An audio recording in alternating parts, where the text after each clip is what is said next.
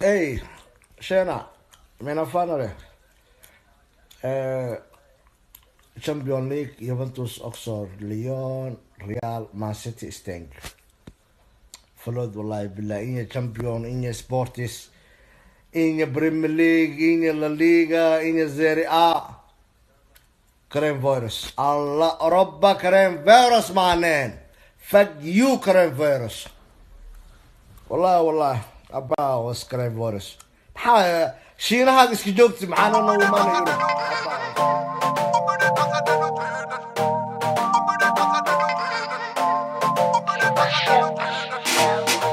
Varmt välkomna till ett nytt avsnitt av Avbytarbänken. Vi snackar boll, där vi någorlunda har koll. Det har blivit dags att summera säsongerna och påbörja vår årliga shutdown-serie. Där vi stänger ner de största ligorna i Europa. Vi börjar med den engelska ligorna som sig bör. Det har varit den längsta Premier League-säsongen i historien. 353 dagar och otroligt spännande dagar i slutet. Trots att Liverpool hade typ säkrat ligan så pass tidigt. Liverpools ligatitel är deras första på 30 år. Slutet på deras långa väntan är självfallet säsongens största story. Det blev ett Champions League-race mellan Manchester United, Chelsea och Leicester. En relegation battle där de inblandade lagen var Watford, Bournemouth och Aston Villa. Kanariefåglarna Norwich var bekräftade en nedflyttningsplats sedan tidigare. Och en skyttekung skulle krönas. Enda överraskningen i den listan kanske var Danny Ings men följs av erfarna mål- målskyttar. Jamie Vardy, Pierre-Emerick Aubameyang, Raheem Sterling och Mohamed Salah. Vem skulle dra det längsta strået? Innan jag går igenom hur allt slutade upp och ner kan vi ta och lyssna på vår prediction inför den här säsongen, hur den lät. Om du har rätt nu, det är jättekattigt. Jag säger City tvåa. Vem är etta då? Jag kommer lägga eh, Liverpool som etta. Nice, okej. Eh, jag kommer- Trea? Trea, jag kommer sätta Spurs. Fyra? Men Spurs skulle kunna ta andra platsen men ja. Fyra? Fyran... Den är svår. Den är mellan Arsenal och United. Fyra? Men eh, jag tror... Eh, Arsenal, det var något nytt. Ja. jag Fyra? tror eh, Arsenal tar den. Femma? Det är, är det fem till topp sex eller? Topp sex, top sex. Femma? United. Ja, alltså för mig är det inget snack om saker, alltså jag är väldigt chockad över era liksom, Ja. rankningar Men för mig är det inget snack om saker om att City kommer vinna ligan Mm. eh, Och sen eh, så, så ja, hör jag att ni säger att Liverpool kommer vinna, li- eh, ja, kommer vinna ligan Men jag tror faktiskt inte de kommer kom- komma, komma tvåa, så det kommer bli L- Tottenham tvåa, Oj. och sen Liverpool trea Okej. Och sen... Eh, där blir det lite svårt, men jag ser Arsenal, fjärdeplatsen.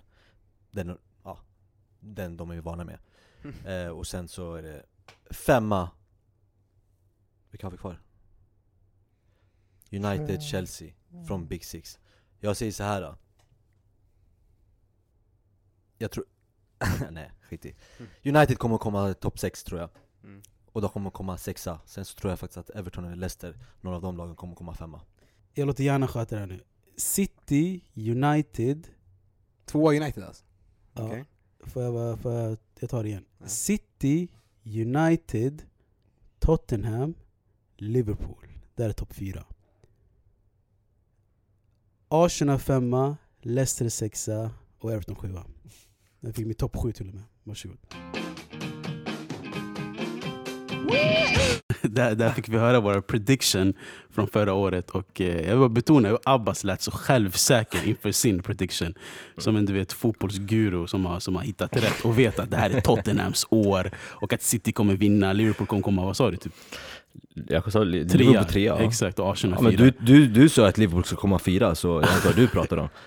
Nej men alltså, Ja, vi kan i alla fall... Eh, Jag behöver inte säga så Ja, mycket. ja. För att vi hörde mina predictions. men du Liverpool var, alltså, du, etta, ja, City tvåa. Okej, jag sa att Tottenham är i topp fyra för att jag trodde Pochettino skulle ja, göra ännu bättre ifrån sig det här året. Men jag tror vi blev lurade av den här Champions League jag sa. United i fjärde plats i alla fall. Jag trodde de skulle komma, men de kom trea istället. Mm. Chockerande nog där i slutet. Mm. Så istället var det mitt eget lag Chelsea som tog den där sista Champions League-platsen istället för Spurs.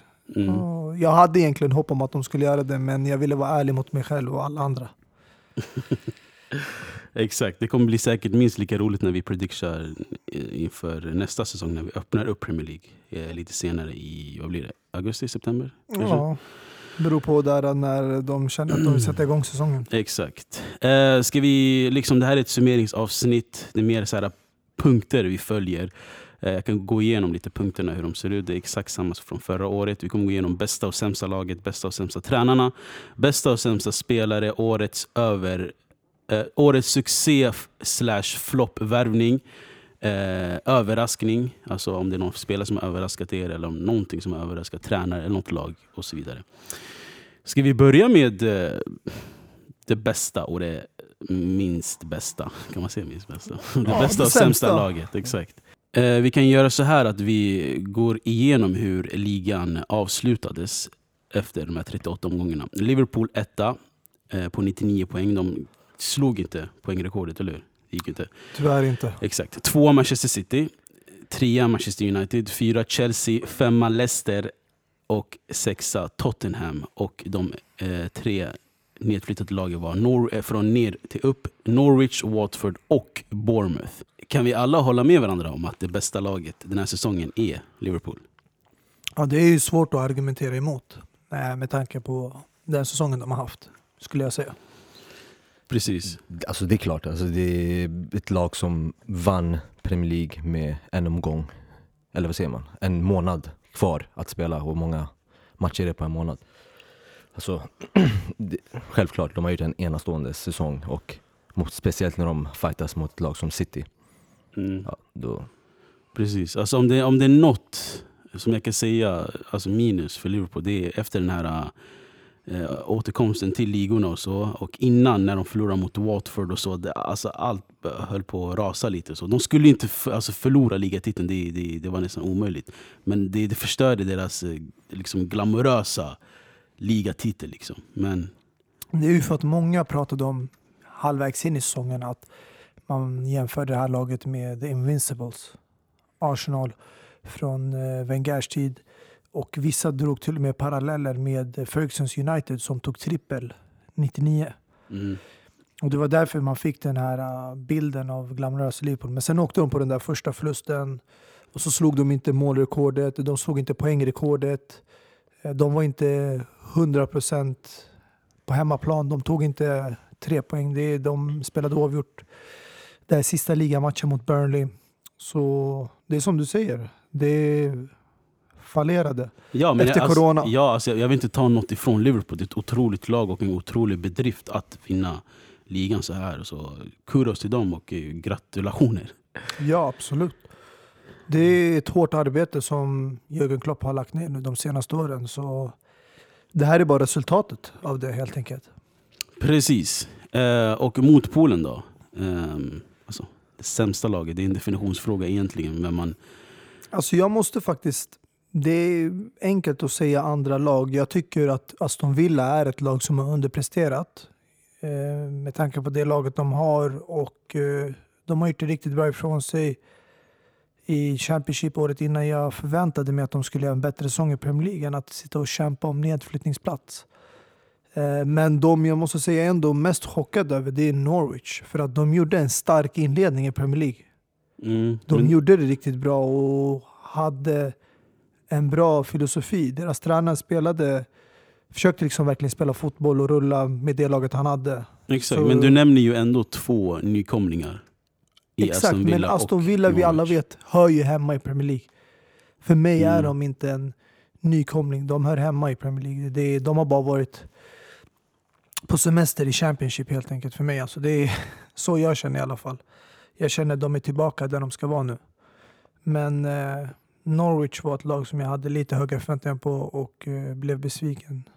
Mm, Alltså det här är en definitionsfråga vad, vad man menar med det sämsta laget. Alltså jag tycker det är Precis. taskigt att peka mot de här som är längst ner i botten för de har inte samma resurser, de har inte samma, eh, liksom, samma mål som de andra lagen. Eh, så jag väljer hellre att peka mot de här lagen som har större ambitioner likt Tottenham och Arsenal. Skulle jag säga att någon av de lagen kanske i min, ja, skulle vara min eh, sämsta mm. Alltså sämsta laget i min eh, lista då. För jag menar, de har inte sålt så många spelare, haft eh, liksom i princip alla sina spelare och sen värvat i spelare som Ndobele och i Arsenal som Nicolas Pepe 70 miljoner, 80. 80 miljoner, ja. Och sen finns det några andra. Så lite högre ambitioner än åttonde platsen Ja, och Spurs kom sexa, sjua.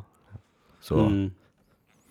Ja. Alltså, jag, jag, jag, alltså mina, mitt finger pekar också lite mot Arsenal. Alltså det här kaoset och det här cirkuset. Jag vill inte blamea Arteta för någonting och så, men att de har lika många kryssar och vinster. Alltså 14 vinster och 14 kryss. De har lika, många kryssar som, ehm, som Brighton som ligger på en 15 plats. Och hela det här kaoset och Emery och Arteta och David Luiz kom från Chelsea till Arsenal. Och han floppade rejält och så vidare. Så, Men det är just den anledningen. Jag känner jag har svårt att peka finger just mot de här lagen för att de har inte haft en tränare säsongen ut. De har sparkat två tränare mitt under säsongen, gjort stora förändringar. Alltså om du jämför Pochettino och Mourinhos spelstil och sen du jämför Emery och Arteta, det skiljer sig så stort mellan de här tränarna. Så de kommer in, tar över ett nytt lag. You know, alltså Mourinho som inte är så van att träna sådana här lag. Han är van att träna mest så här topplag med bara stjärnspelare och världsklasspelare i nästan varje position. Och Arteta som har aldrig varit en A-lagstränare tidigare. Han har varit assisterande tränare till Guardiola, kommer in för första gången. Det är svårt att lägga skulden på dem för mig. mm, Att det är det sämsta laget för att de har inte haft en hel säsong på sig. De har haft ett halvår på sig. Mm. Men egentligen skulle jag välja faktiskt ett lag som har ändå investerat ganska mycket för att vara ett liksom mittenlag. Det är Bournemouth som jag tycker har misslyckats helt. Som har köpt spelare som Jordan Ibe från Liverpool. De har hämtat in Nathan Ake från Chelsea. Och de har ändå fyllt på med massa spelare i Mm. truppen. De har inte liksom varit ödmjuka. De har liksom försökt investera och satsa. Mm, och eh, misslyckats. Så nu kommer de ju sälja flera spelare på reapris. mm, Alltså när vi pratar om laget så tänker jag på klubben också och eh, det är ett misslyckande av klubben. Eh, Alltså jag tycker inte man ska bara prata om att tränaren har inte haft så mycket tid, spelaren har inte haft så mycket tid. Det är ändå en del, det är ändå någonting som klubben och eh, de som har hand om klubben eh, liksom, eh, ska ta hand om. Så därför ser jag det här som, alltså jag, jag köper inte det argumentet att ja, men klubb, tränare ska ha tid och det där. För då, det är det man ska prata om, om det är den sämsta tränaren eller den bästa tränaren. Då kan man prata om att han ska ha lite mer tid och sånt. Men klubben i sig, det är deras fel att de till exempel, nu säger jag att det är fel, men att de valde Arteta. Och de behöver tid och därför kommer de åtta. Men alltså, Men vem tar ansvaret för att det går dåligt för klubben? Är det styrelsen eller är det tränaren? det är styrelsen. Det är, styr, Men hela, hur ofta det, det, får men, styrelsen skulden för att det går dåligt för en tränare? Nej, eller det- ett lag? det är det jag menar. Därför är hela laget, därför ser jag, de, har- de har gått back. De, de, har, de har inte lyckats. Det är inte bara laget, jag pratar inte just om laget och spelarna, jag snackar om hela klubben. I sig, fansen kollar inte på bara laget. De vet ju, de har ju hand, de vet ju, ja, men du, du som är där uppe och eh, har han då anställer tränarna och, och ska hämta, liksom, sportchefen ska hämta spelare och så vidare. Man kollar inte på tränaren bara, man kollar på styrelsen. Alltså du menar ledningen har misslyckats? Ja, he, hela ledningen och Mm. tränaren och allting. Ja. Ja, alltså, I den här kategorin vill jag ändå nämna Leicester City också. Alltså, Ja. alltså på grund av vart de låg eh, i, i höst och hur de eh, du vet, eh, snubblade förbi Europa League, eller Champions League-platsen. Alltså de var tvåa. De höll på, det var mellan dem och City som skulle utmana Liverpool. Och så, och sen nu hamnar de på en femte plats. Liksom. ja, det var början av säsongen. Vi alla vet vilken ledning... Alltså många lag brukar göra starka inledningar. Vissa lag håller liksom hög standard de första två månaderna, första veckorna. Men å andra sidan, vi kan inte säga att någon av oss förväntade oss att Leicester City skulle vara där uppe. Nej, inte Och, inför eh, säsongen, absolut nej, inte. exakt. Så att de är nu hamnat på den här femte platsen är inte heller helt chockerande. När man kollar på lagen runt omkring. Så Ja. avslutningsvis, jag tycker att det här är någonting jag hade förväntat mig över en hel säsong. Men att de var där uppe i toppen under hösten, det var lite chockerande. Och Mm. eh, jag tror de, ja, de eh, gjorde någonting riktigt bra som inte många förväntade sig. Men eh, ah, man kan inte säga att de har gjort det dåligt ifrån sig. Nej, exakt. jag skulle inte säga att de är det sämsta laget, men när man, när man snackar om den kategorin så är det värt att nämna dem tycker jag. På något sätt. Inte som sämsta laget, men däremot så håller jag med om att de borde ha kvar, i alla fall hamnat topp fyra, men lät andra lag som inte bör vara i topp fyra komma förbi dem. Ja, eh, ska vi fortsätta till tränarna som leder de här lagen? Mhm. Än en gång. Eh, man tog eh, Liverpool som bästa laget. Eh, är Klopp den bästa tränaren den här säsongen då? Ja definitivt, det måste man ändå säga. Så det, han, det, jag hörde Mustafa prata nyss om, om, eh, om Klopp och hur han har gjort hela laget och det är många som pratar om honom, att det är han som har byggt hela laget och så vidare och så vidare och nu har det lett till en ligatitel. Så mycket av eh, Liverpools liksom, success, det kommer från Jörgen Klopp och att de vinner ligan nu efter att de har vunnit Champions League förra året. Ja, det, alltså man måste, Det finns ingen annan som, som har gjort det bättre än honom. Sen kan man absolut peka på de andra lagen som är ja, men i mittentabellen som kanske inte hade lika stora liksom, ambitioner och säga att de har gjort det bra. Men man kollar alltid mot de som eh, är topprankade. Mm. Ja, alltså eh, vad tänkte jag på? Men ja, men är han den bästa tränaren i ligan? Alltså jag menar, om man, om man jämför med Guardiola.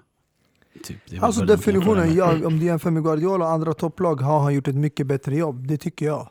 Men om du jämför med tränare som har sämre förutsättningar som till exempel Brendan Rodgers eller City eller eh, nu kommer jag inte på hans namn, heter han SP... Nuno Espirito Santos. Exakt, från Wolverhampton. Om man kollar hur de har gjort med sina lag, då måste jag ändå säga att de där har gjort det riktigt bra. Mm. Med tanke på att de inte har samma resurser som Mm. en klubb som Liverpool eller City. Men jag tycker ändå Klopp rankas som etta eh, efter den här säsongen de har haft. Jag Mm. tycker det. Ja. För vi Ja. pratar ju om eh, den här säsongen. Och den Precis. här säsongen så bedömer vi efter det som vi har sett. Precis, så det, den är självklar för mig också egentligen. Eh, på andra sidan då? Besvikelse, vem, vem har varit en... Alltså besvikelse för mig, eh, jag går tillbaka till det jag sa innan, det är Eddie från Bournemouth.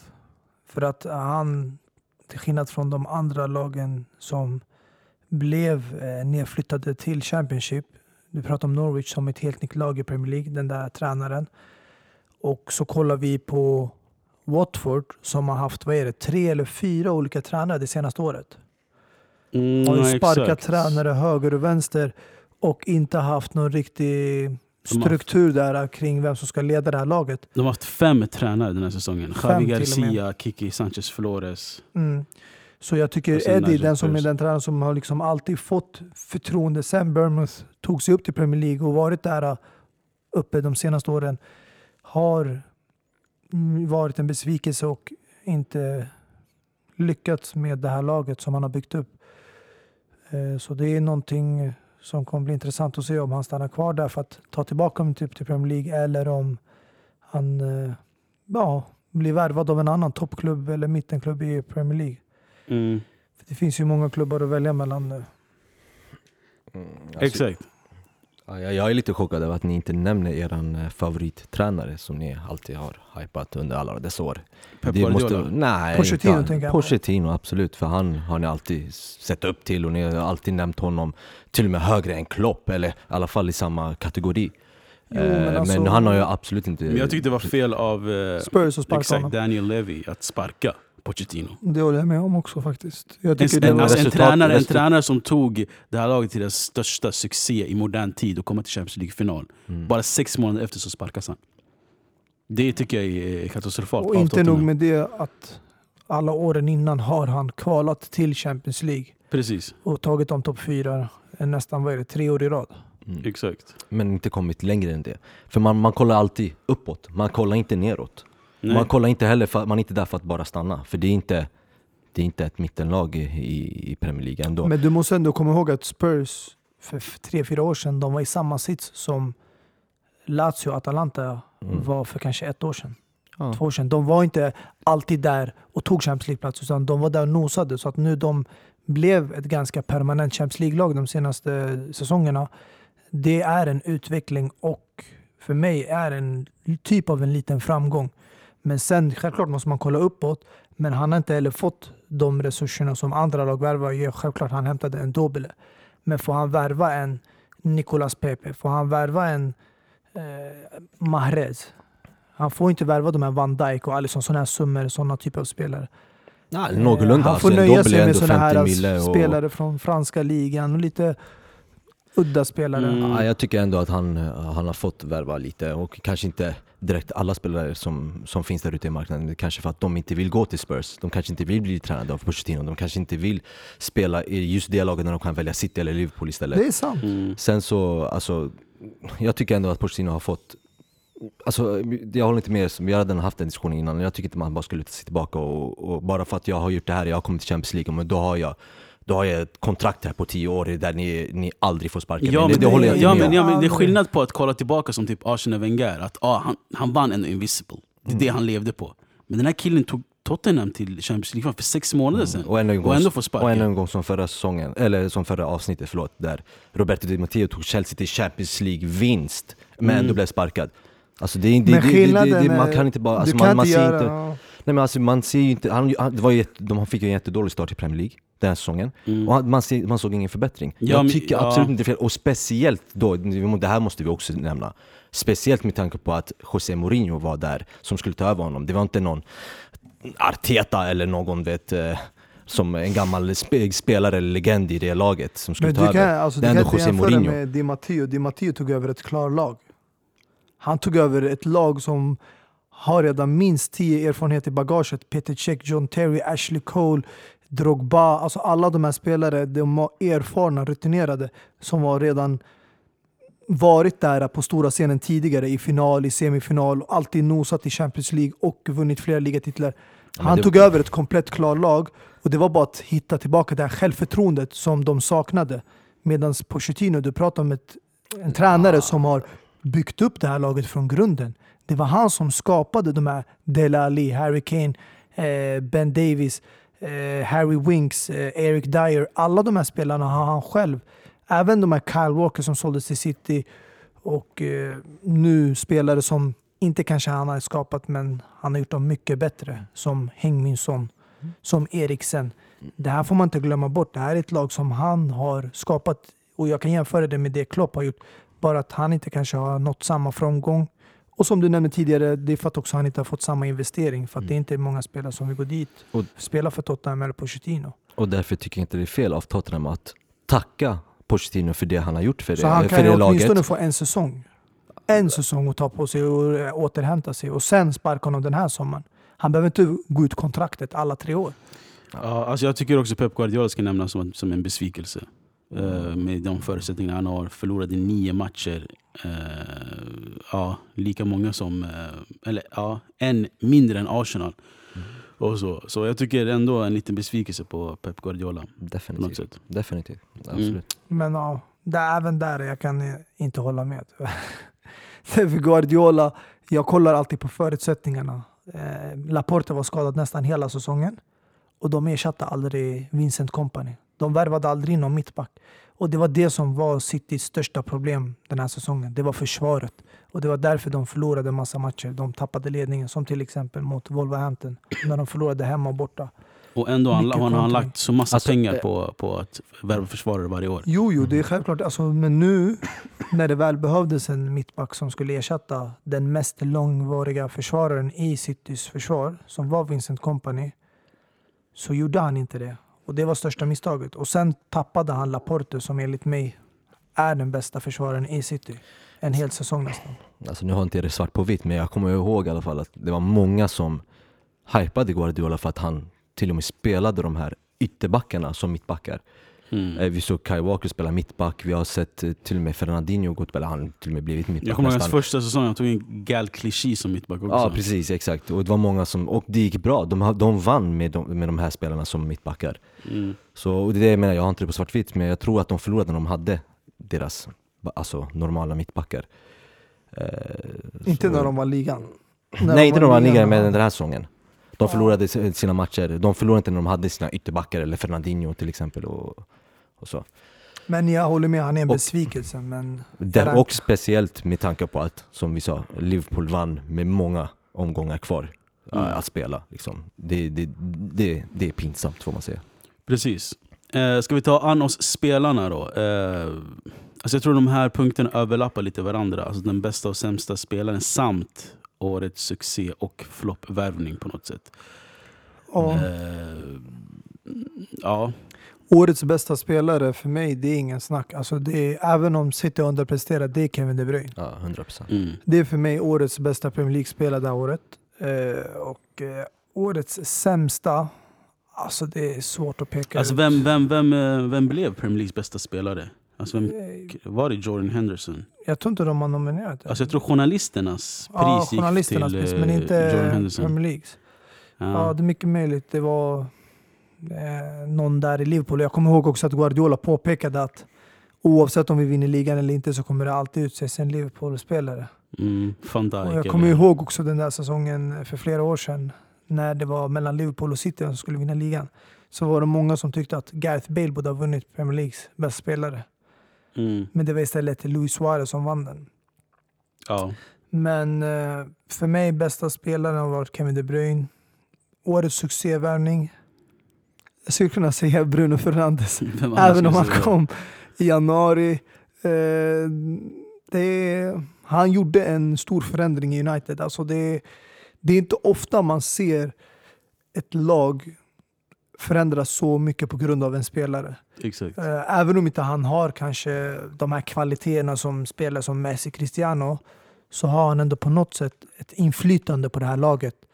Och det kanske är mentalt, eh, den här vinnarmentaliteten och allt annat. Men han är kanske också som en ledare och envis spelare och eh, vågar liksom stå upp och prata i omklädningsrummet. Och det är det som kanske har gett det här United extra lyftet. Exakt. eh, Och att du nämner han som en succévärvning trots att han kom i januari säger jättemycket också. mm. Att han bara behövde på sig ett halvår för att eh, liksom make a mark ja. i den engelska ligan.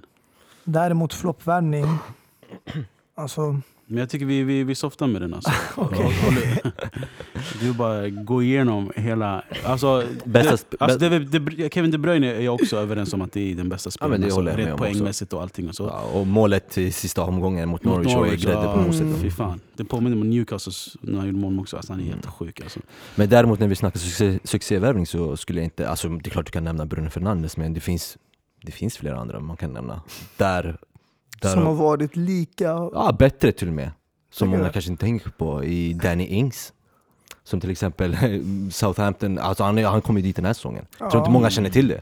Jo, Han kom dit den här säsongen och har gjort så många mål, jag vet inte. Alltså det känns som att han var, var där uppe i... Definitivt, han har Men, varit men en alltså, där, alltså, precis som Mustafa säger, alltså, vilken inverkan har han gjort på laget? Alltså, okej, han kom tvåa i skytteligan, men alltså, vart är Southampton för att se? De ligger elva.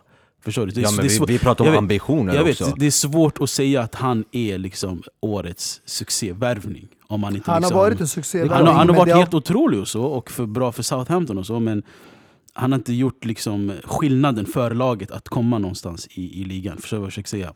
Alltså han menar att han har varit med liksom succé individuellt.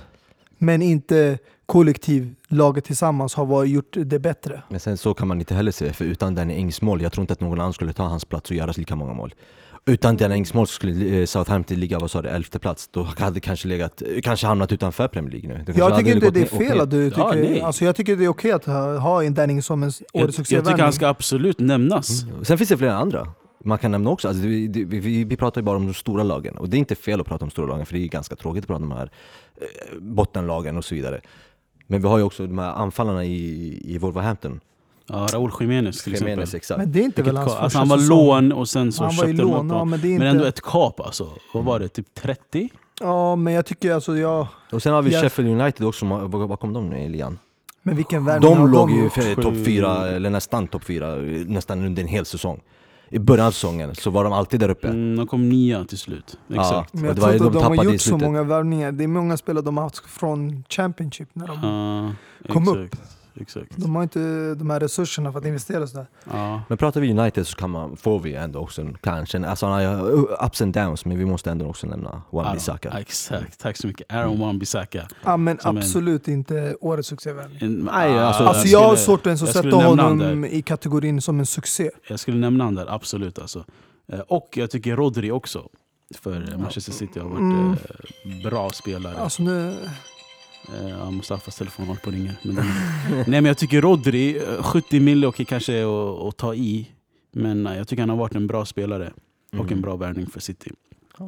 definitivt. Men eh, min succévärvning går till eh, Bruno Fernandes såklart.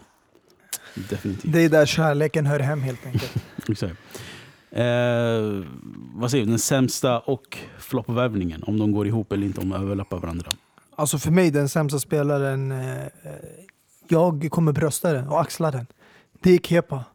Det har varit Premier Leagues bästa, sämsta spelare för mig. Men jag säger det inte bara för att det är bara hans ansvar. Jag tycker Chelseas försvar i helhet har varit oorganiserat. Eh, kollektivt har de inte varit bra. Alltså till exempel om jag plockar ut en individuell spelare som Aspelkueta, i mina ögon är han en av Premier Leagues bästa försvarare. Men när han får spela med sådana här försvarare eh, och en som målvakt, det påverkar allihopa. Och för mig handlar det om eh, lagkemi, att man ska, det ska klicka liksom. Det ska gå ihop. Och det är just därför många pratar, när de pratar om mittbackar, okej Van Dijk är en mittback som sticker ut. Men om vi kollar tillbaka, man brukade alltid prata om förut om mittbackspar. Mm. Vidic Ferdinand, Terry Carvalho. Man pratar om sådana här mittbackspar som låste försvaret. Mm. Och jag tycker inte Kepa har haft det stödet framför sig.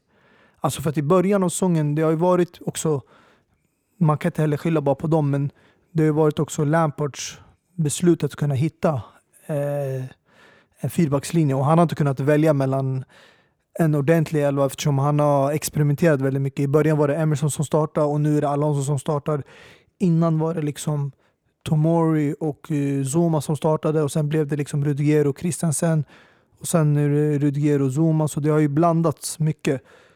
Och därför har det gett eh, blandade resultat. Men jag tycker ändå Kepa i helhet, eh, för den summan han köptes, för den eh, potentialen han besitter, han ska kunna göra bättre ifrån sig. Alltså man har ju en statistik på det antal skott han har fått emot sig. Eh, självklart, det är försvarets ansvar också att se till att stötta Exakt. honom. Alltså, men jag, jag, har lite, jag har lite siffror. som sagt, alltså, men det, för mig det handlar bara om... Alltså det här är någonting som kan vända. På ett helt år kan det gå från botten till topp för honom. Och Det handlar bara om självförtroende, hitta tillbaka det och sen såklart bygga ett bättre försvarsspel. Exakt. bättre Alltså, kemi. alltså jag, jag har lite stats och siffror som styrker det, som är väldigt chockerande. Är ni, Mm. är ni med? Eller? Han har den sämsta eh, räddningsprocenten, I alltså räddningsstatistiken i Premier Leagues historia, som har spelat 10 eller mer matcher med 54,5 procent. Eh, och eh, sätter han på en 730 plats. Han, den här är också helt otrolig. Han har släppt in 8 procent av Chelseas Premier League-mål sedan 1992, på två år. Alltså han är ansvarig för 8 procent av Chelseas insläppta mål sedan 1992, på två år. Och av, 40, av 47, alltså 47 målen som han släppt in, 14 av dem i den här säsongen, så rörde han inte på sig alls. Han stod helt stilla. Men sen om du kollar, så det, man kan inte bara säga att han stod stilla. Vi har ju sett avsluten det här jag året. Vet, jag vet. alltså, bara- vissa så- mål som till exempel, eh, ja vi låter säga Kevin De Bruynes mål, frisparksmål, Mm. på, när vi vann i hemmasäsongen. Ja. Eller nu, bara nu senast när vi mötte Liverpool och vi torskade 5-3. Mm. Du såg Naby Keitas mål, Mm. rakt in i kryllan. Ah, ja, eh, alltså, du ja. såg, eh, vad heter det? Don't kill a mess messenger bro. Jag säger bara Eh, fakta här. Alltså. Vinaldums mål som var liksom mitt framför målet och bara sköt in den i nättaket efter en hörna som inte kunde rensa bort. Det är inte, alltså till exempel bara den matchen där det släpptes in hela fem mål.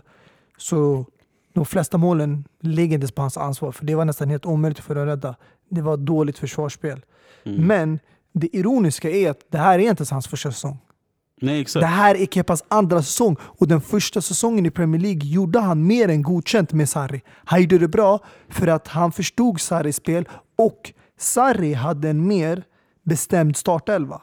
Han startade oftast med Emerson, men Alonso fick komma in då och då. Men Emerson var hans mer och han hade inte en Reece James. Han hade alltid Aspelkueta på högerflanken. Mm. Och mittbacksparet, vi hade inte Zoma Tomori då. Mm. Utan vi hade ju David Luiz och Rudiger. Det var våran startförsvar. Mm. Och sen ibland fick Christensen spela.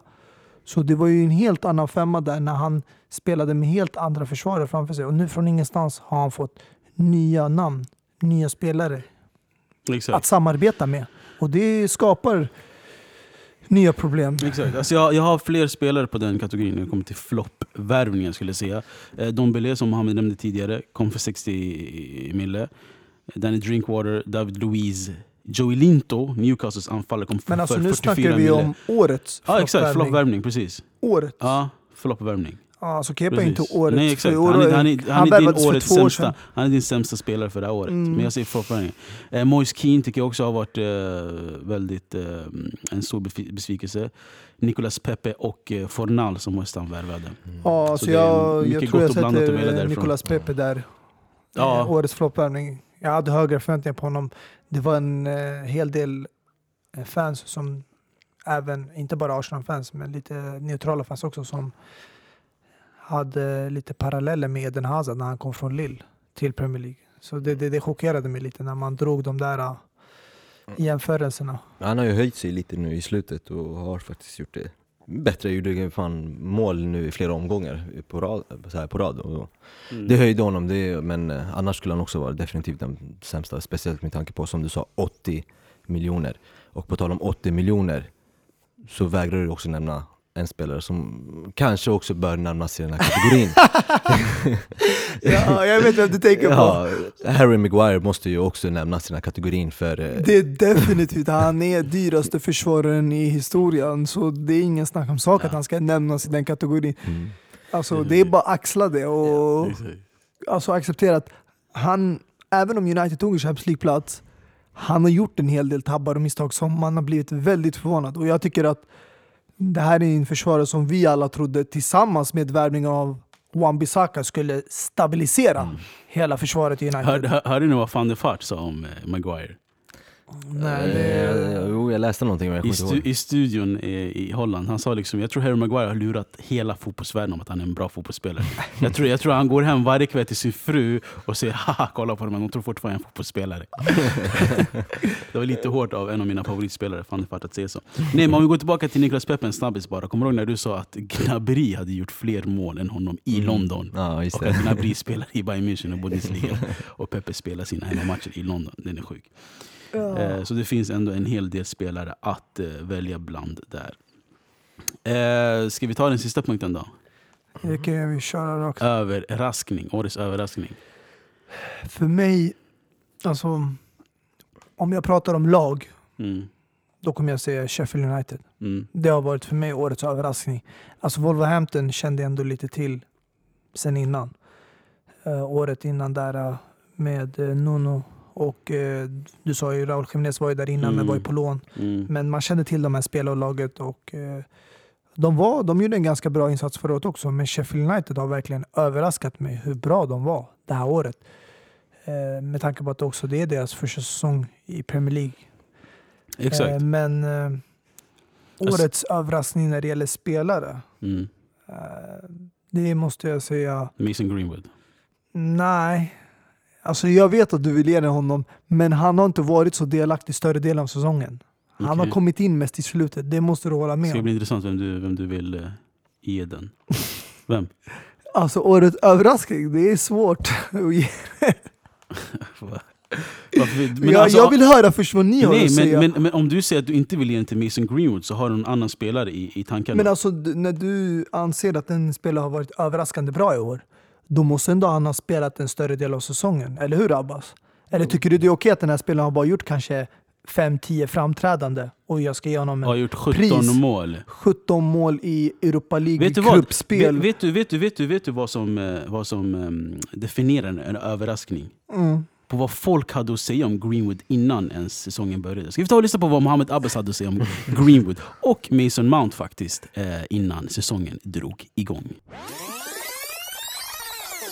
Alltså lyssna, ni är United, sluta nämn de här Mason Greenwood och de här skitspelarna Men som ni nämner hela tiden. När vi pratar om City så nämner ni den här PSV-spelaren som inte jag känner till. Alltså det är såhär, Nämn inte de här spelarna, vad händer med Premier League? de Höj dem, eh, höj andra spelare, alltså försök led, prata om de här spelarna som inte har visat någonting alla Martial, alla Lingard, alla Rashford som måste visa att han verkligen är the Alla, real deal alla förtjänar nummer 10 Sanchez som har, alltså det är så mycket, alltså det är så Alla, många alla Lingard frågetecken och alla kring det Rashford har här redan United bevisat att de ska stanna i United. Jag menar? Nej, men alltså, och jag- även, jag, jag, vänta, jag nämner Mason Greenwood, Rashford och Martial för att det här är the United way. Vi ska inte köpa storstjärnor för en miljard och, och lita på dem. Det här är the United Det way. är inte det jag pratar om, jag säger bara det är så mycket frågetecken, de här spelarna som jag nämnde nyss, som inte har visat någonting Sanchez som inte har visat någonting Hela United-laget har inte visat någonting kan inte Så istället, jag ska bara säga, istället ja. för att prata om eh, Mason Greenwood Ja. Så finns det ju andra spelare som man borde egentligen prata Ja. om och, ställa, och som är större än Men det slösar Mason med tid Greenwood att nämna Alexis Sanchez.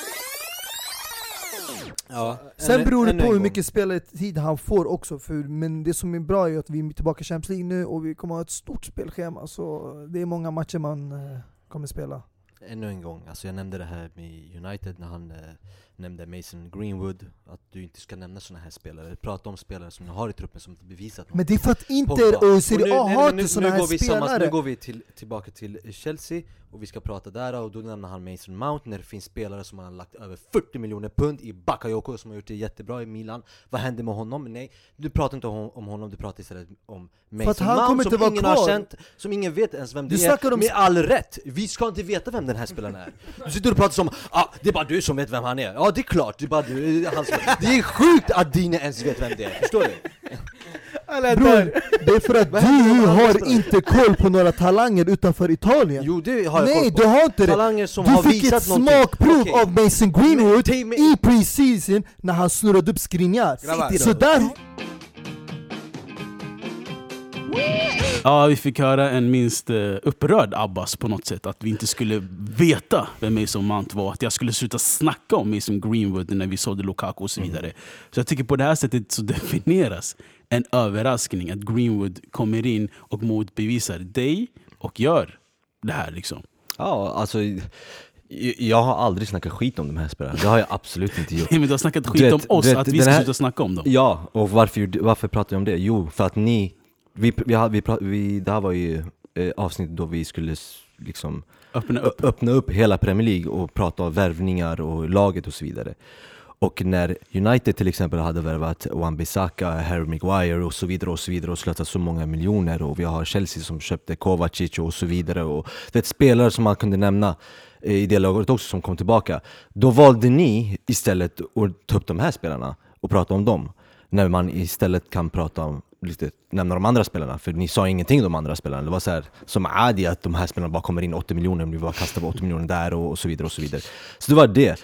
Sen så tycker jag att ni överhypar dem. Och när vi kollar på den här säsongen, absolut, med all rätt. Nu kan ni prata, jag har aldrig sagt, jag har aldrig varit emot, eh, emot att liksom, ta upp talanger och sånt här. Om någon så är det jag som alltid har varit den personen. Och det har Som ni som för- stor förutspått. erfarenhet av, som förutspår grejer. Ja. Ni har, vi hade det här Lautaro Martinez-snacket, där du, båda ni sa men hörru, du kan inte nämna honom. Nej men det är därför jag tycker, alltså, när jag försökte lyfta upp Greenwood, att du var så liksom eh, Ja. anti mot hela Ja, för grejen. det var just, just det där avsnittet, för då pratade ni bara, det var det här tjafset, vem som hade den bästa Mason. Det var alltid, det var mellan er två. Så jag, jag, jag var trött på det för fan. Prata lite om Harry Maguire, prata lite om de här spelarna istället.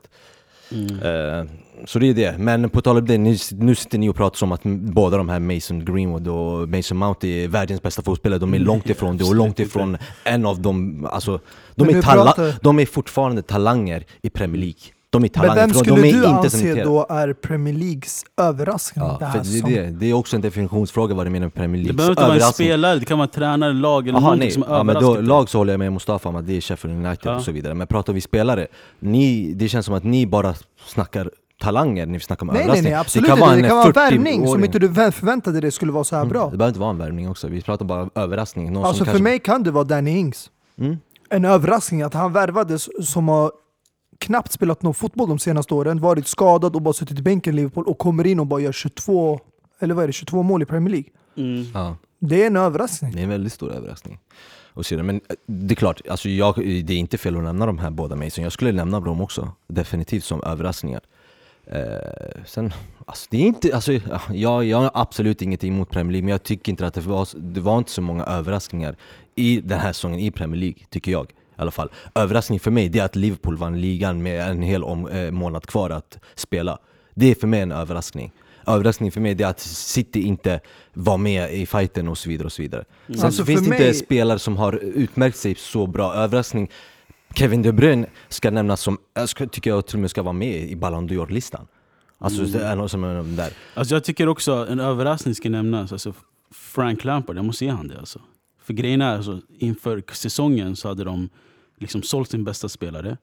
Och vi, måste, vi får inte glömma, han har chans på att vinna en titel i helgen nu när de möter eh, Arsenal, Arsenal i finalen, FA FA cupen. cupen. Men de sålde sin bästa spelare Hazard. De hade en transfer ban som var tvungen att ta upp spelare från sina egna led. Som har faktiskt presterat ska jag säga. Alltså det är Tomori, Abraham och Mason Mount. Mason Mount som har gjort 50 matcher den här säsongen. Och sen fick han ändå en blandning i slutet på att eh, blanda de erfarna spelare med de unga. Han fick en Giro som fick spela en eh, nyckelroll i slutet i alla fall. Så hur han har hanterat den här rollen som en tränare för ett storlag i England i sin andra säsong som tränare är jag ändå överraskad på hur Frank Lampard har skött det, måste jag säga. Jag uppskattar de orden. Ja. Fina orden. Ja. Nej men det är sant. Alltså, jag hade inte, jag som ni hörde innan när vi pratade om predictions, jag hade inte anat att vi skulle komma eh, Champions League-plats. Jag hoppades på det självklart, för att man ville alltid vara med i Champions League. Men jag trodde att det skulle bli tufft i år, för det var väldigt många lag som hade förstärkt. Som United, eh, som eh, Tottenham och sen hade du redan Liverpool City. Så jag trodde att den här säsongen kommer bli väldigt tufft att ta en Champions League-plats. Men han lyckades ändå göra det och det överraskade mig. Och eh, sen tycker jag ändå att vi hamnade också i en tuff Champions League- Champions League-grupp med Valencia och Ajax. Och han gick ändå vidare från den gruppen. Och nu FA-cupen är han i finalen. Så för mig har det varit en överraskande bra år. Och jag tycker han har gjort det riktigt bra. Men en spelare jag tycker som har överraskat. Alltså han är kanske en talang och stor. Men jag känner inte till honom så här bra innan. Och vi har inte fått honom, se honom spela så här mycket. Det är Phil Foden. Mm. För mig, alltså det, jag visste inte hur bra han var förrän jag såg honom det här året, den här säsongen. Mm. För förra året fick, vi inte, fick man inte se så mycket speltid av honom när City hade mest samma elva där uppe och tog hem ligan. Men nu måste jag ändå säga, det, det här är en spelare som ja, kommer ha en väldigt ljus och stor framtid. Mm. Ja, absolut. Eh, med de orden ska vi ta och eh, knyta ihop den här engelska säcken. Eh, och eh, ta oss vidare i nästa avsnitt till de andra ligorna vi stänger. Yes. Säger vi så då? Ja. Cheers! Cheers. Like one text I'm sending that, then I'm essing. I'm chilling with my niggas. I beg you, go bring your bedrooms. A couple bitches in Malibu, that's the settings. I've known you 20 seconds. The fuck you talking about weddings? She's backing up a booty whilst I play with a coochie. And I ain't in all the acting, but we're making a movie. And my baby never lacking, told her come and do me. And now my Willy Wonka spazzing, let it spray like a Uzi. Calm down, I beg you, just cool off. I pull up to the dance and I'm locking it all off. And I don't really fuck with them niggas, they're too soft. They never shoot a shot, car save it like Buffon. The floor be shaking, the back be bubbling. I'm writing them lyrics, I'm getting that money in. I'm big in my city, the bitches are loving it. Hey Jay, calm down, G, you're mocking it. I love the way you're twerking, baby girl, just come and rock it. Step up in the club and show these bitches why you boss it. And if you ever hate on my baby, you must have lost it. You're wishing you can touch up my sugar girl, I'll just touch it. Drippy, saucy, sexy, mad. She bucking off a Batman, I bust it, then bring it back. And if she passed the test, then I'll cuff it and never dash. She stepping looking saucy, I love her, yeah, that's my gang. Calm down, I beg you, just cool off. I pull up to the dance and I'm locking it all off. And I don't really fuck with them niggas, they're too soft. They never shoot a shot, car save it like Buffon. The floor be shaking, the back be bubbling. I'm writing them lyrics, I'm getting that money in. I'm big in my city, the bitches are loving it. But hey Jay, calm down, you're mocking it. I'm getting dinero, I'm chasing the Lizzie. My flows are magic like Harry Houdini. I'm big in my city, the bitches are loving it. But hey Jay, calm down, you're mocking it. One, two, bad B, step two. Came in, no one's looking at you. Talk shit, but I'm doing what I do. When you dickheads wouldn't last if I put you in my shoe. One, two, bad B, step two. Came in, no one's looking at you. Bang, bang. Talk shit, but I'm doing what I do. When you dickheads wouldn't last if I put you in my shoe. Like, calm down, I beg you, just cool off. I pull up to the dance and I'm locking it all off. And I don't really fuck with them niggas, they're too soft. They never shoot a shot, I'll save it like Buffon. The floor be shaking, her back be bubbling. I'm writing them lyrics, I'm getting that money in. I'm big in my city, the bitches are loving it. But hey Jay, calm down, you're mocking it. I'm getting dinero, I'm chasing the Lizzie. My flows are magic like Harry Houdini. I'm big in my city, the bitches are loving it. But hey Jay, calm down, you're mocking it. You can't mess with my niggas, we're too litty. Spend racks when I step out, that's no.